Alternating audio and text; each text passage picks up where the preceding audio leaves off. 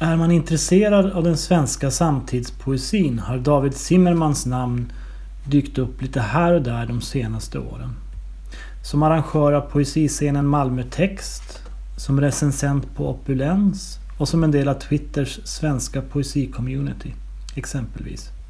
Zimmerman är alltså, som de flesta unga poeter idag, inte bara poet utan också poesiarbetare. Någonting i poesins rörelse från boken och vidare ut på sociala medier. Till mindre och större scener, andra och nya format, till happenings och konstvärldar gör att unga poeter idag rätt självklart ägnar sig åt poesi på många olika sätt. Poesin får också i bästa fall luft och näring på andra vis jämfört med för 15-20 år sedan. Dikten stannar sällan kvar i bokhyllan, på biblioteket och i bokhandeln. Poeter är idag socialare och ägnar sig på ett självklart sätt åt sig samtal och gemensamt skrivande. Få samtidspoeter sitter i avskildhet på sin kammare och skriver. Om de gör så är de sällan ensamma. Kontakten med andra som skriver och läser finns alltid där. David tillhör både en ung poesivärld och en äldre, mer traditionell del. Han skriver trots allt poesi fast förankrad i en tradition, utgiven på det anrika poesiförlaget. Som sådan möjligen också en vinnare. Kanske är han till och med en poet som kan röra sig mellan dessa olika världar och nyttja deras olika fördelar. Omslaget till ljus och strålning är blänkande upplyst som ett vitt sken mot kycklinggul bakgrund. I min första naiva läsning av titeln uppfattar jag att den står där i motsats till mörkret. Men så är förstås inte fallet. Jag är inledningsvis osäker på vilken sorts poesi det är som David skriver. Någonting nästan ovanligt idag. Nya poeter och nya diktsamlingar lyfts gärna fram som politiska på ett eller annat sätt. Eller som om de handlar om en specifik plats eller om ett speciellt ämne. I ett samtal om marknadsföring av poesi på Poesimässan för några år sedan lyftes denna tendens. Om man till exempel kan visa att en diktsamling handlar om demens, som exempelvis Jenny Tunedals Rosor skador, går det mycket enklare att sälja in samlingen och poeten. Erbjudanden om föreläsningar och uppläsningar dyker också upp i högre grad. Misstanken är att poesi inte går att sälja in som bara poesi längre. Vår tid kräver en selling point, en pitch och en story. Gärna någonting personligt eller någonting som behandlar ett aktuellt och brännande ämne. På så sätt är diktsamlingar av unga poeter, där osäkerheten ligger i förgrunden, någonting som gör att man spetsar öronen lite extra. Nästan så att jag tänker att här har vi nog något extra spännande och bra eftersom det inte lanseras på ett så tydligt sätt. Här kanske poesin är så intressant att det räcker med bara den. Informationen på bokens pärmar säger heller ingenting om temat för dikterna. Albert Bonniers förlags hemsida är dock tydligare när de bland annat skriver citat Ljus och strålning rör sig kring en sjuk fars upplösning i världen. Den utspelar sig under en vår och en sommar. Främst mellan fadern och hans son. Ingen av dem lyckas formulera sig inför döden. Slutcitat. Nästan så att en liten besvikelse infinner sig när även Zimmermans bok så tydligt också handlar om någonting. Om än någonting både så allmänt och personligt som en fars sjukdom och död. Någonting som förstås väldigt många har varit med om, eller kommer att vara med om. Eller om det nu är förlaget som vill få det att framstå som om ljus och strålning har ett så tydligt tema. Döden och en nära släktings död har också varit ett återkommande ämne i den senaste årens svenska poesiutgivning. Från Tua Forsströms anteckningar till Kalle Hedström Gustafssons mormorordning Hägringsöar och Felicia Stenroths En människa tvättar sig rent i en sjö. Det finns fler exempel. Detta kan förstås vara en slump, men måste nog ändå ses som en tendens och som någonting viktigt. Nästan som om detta diktande förebådar en romantisk återkomst av något slag. En längtan efter andlighet när den kyrkliga begravningen inte ger tröst och prästens ord går en förbi. Till skillnad mot ovan nämnda böcker är dock inte Ljus och strålning en sorgebok. I alla fall inte på samma sätt. Zimmermans diktning rör sig aldrig kring sorgarbetet efteråt utan handlar istället om sjukdomen och vägen fram till döden. Den sorg som finns i detta. Vilket också skapar en helt annan typ av dikt. Ljus och strålning är en knappt 100 sidor lång diktsamling uppdelad i fyra olika avdelningar med en tydlig rörelse framåt genom årstiderna. Prolog, vår, högsommar och sensommar. De titellösa dikterna rör sig från en rad till dryga halvsidan. Bara gemener som andas med varierat mellanrum mellan orden, men där punkt aldrig infogas. Den inledande prologen ger en slags fragmenterad bakgrund till resterande dikter och utspelar sig, citat, före våren. Ja, långt före våren. Och vinden är stilla och här ligger timmarna i huvudets skål. Slutcitat. Tiden är här ännu inte söndersprängd. Saker och ting är fortfarande på sin rätta plats.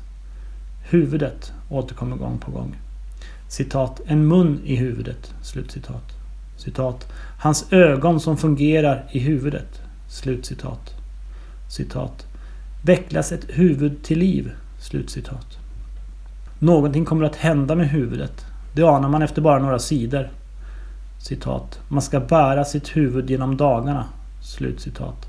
Heter det exempelvis klingande likt någonting av Ann Jäderlund, som också den poet jag oftast kommer att tänka på under läsningen. Ordet innan är också återkommande. Det som var före beskedet, sommaren och döden. Citat. Innan fåglar ska bära det svarta. Slutcitat. Citat. Innan vattnet svart. Slutcitat.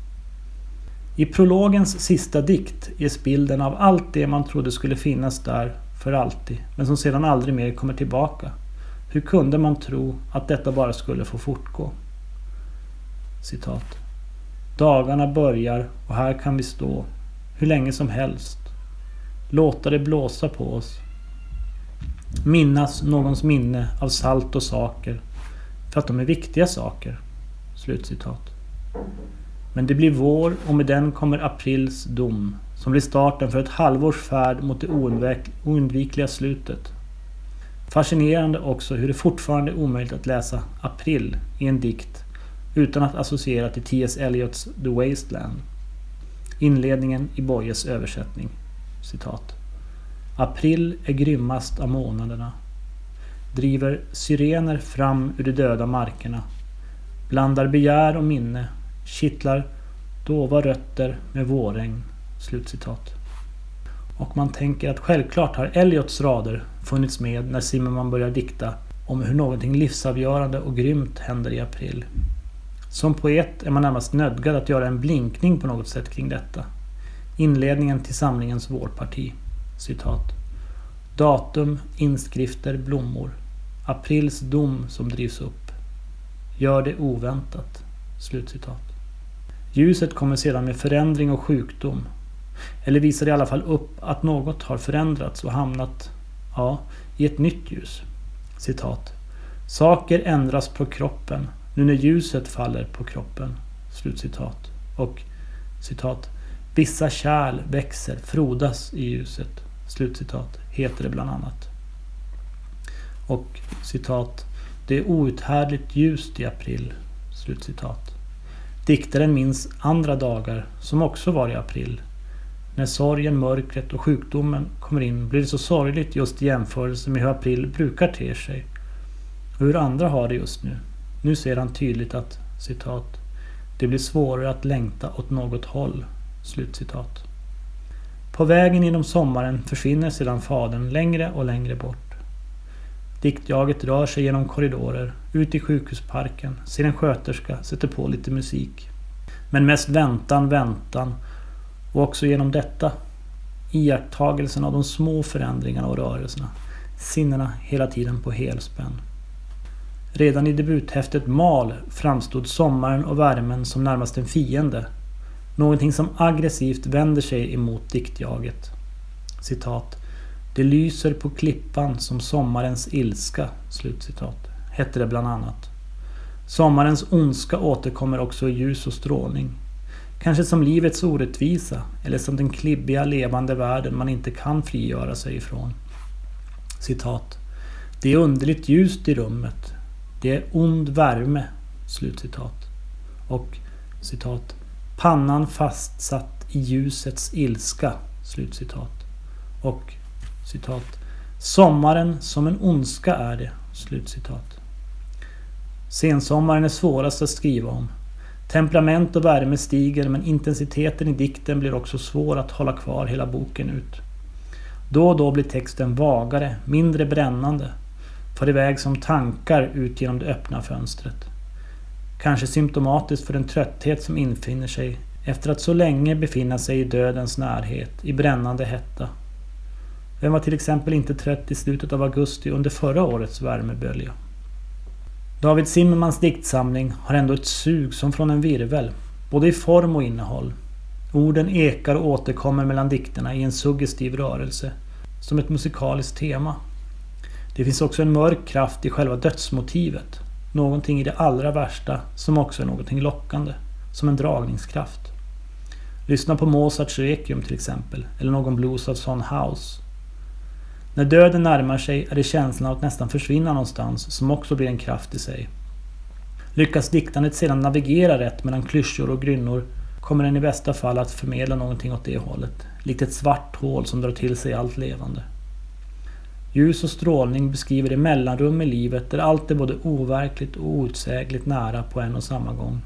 Dikterna förmedlar i sina bästa stunder också den paradoxala känslan av både tomhet och närvaro. Det är den fasansfulla och också ofta märkliga tid när någon nära anhörig får ett halvår till att leva. Inte helt ovanligt efter ett cancerbesked till exempel. Livet ska obenhörligt snart ta slut och ändå är sommaren och livet så förbaskat stark runt omkring en. Men döden är också noll och intet. Det andra som vi inte vet något om. Döden och texten som nästan anonym. Där finns också en kraft. Ibland far texterna dock iväg i en mer omedveten anonymitet, som det känns som om det inte riktigt var meningen att de skulle göra. Dikten blir lite vag och vilsen. Det är lätt att till slut bli lite trött på det mystiska, outtalade och ibland onödigt kryptiska i Zimmermans diktning. När det är som bäst blir dödens stumhet istället lika intensiv som livet när det är som värst, stickigt nära och omöjligt att bli av med. Ett annat viktigt tema i boken är tystnaden, hela tiden närvarande.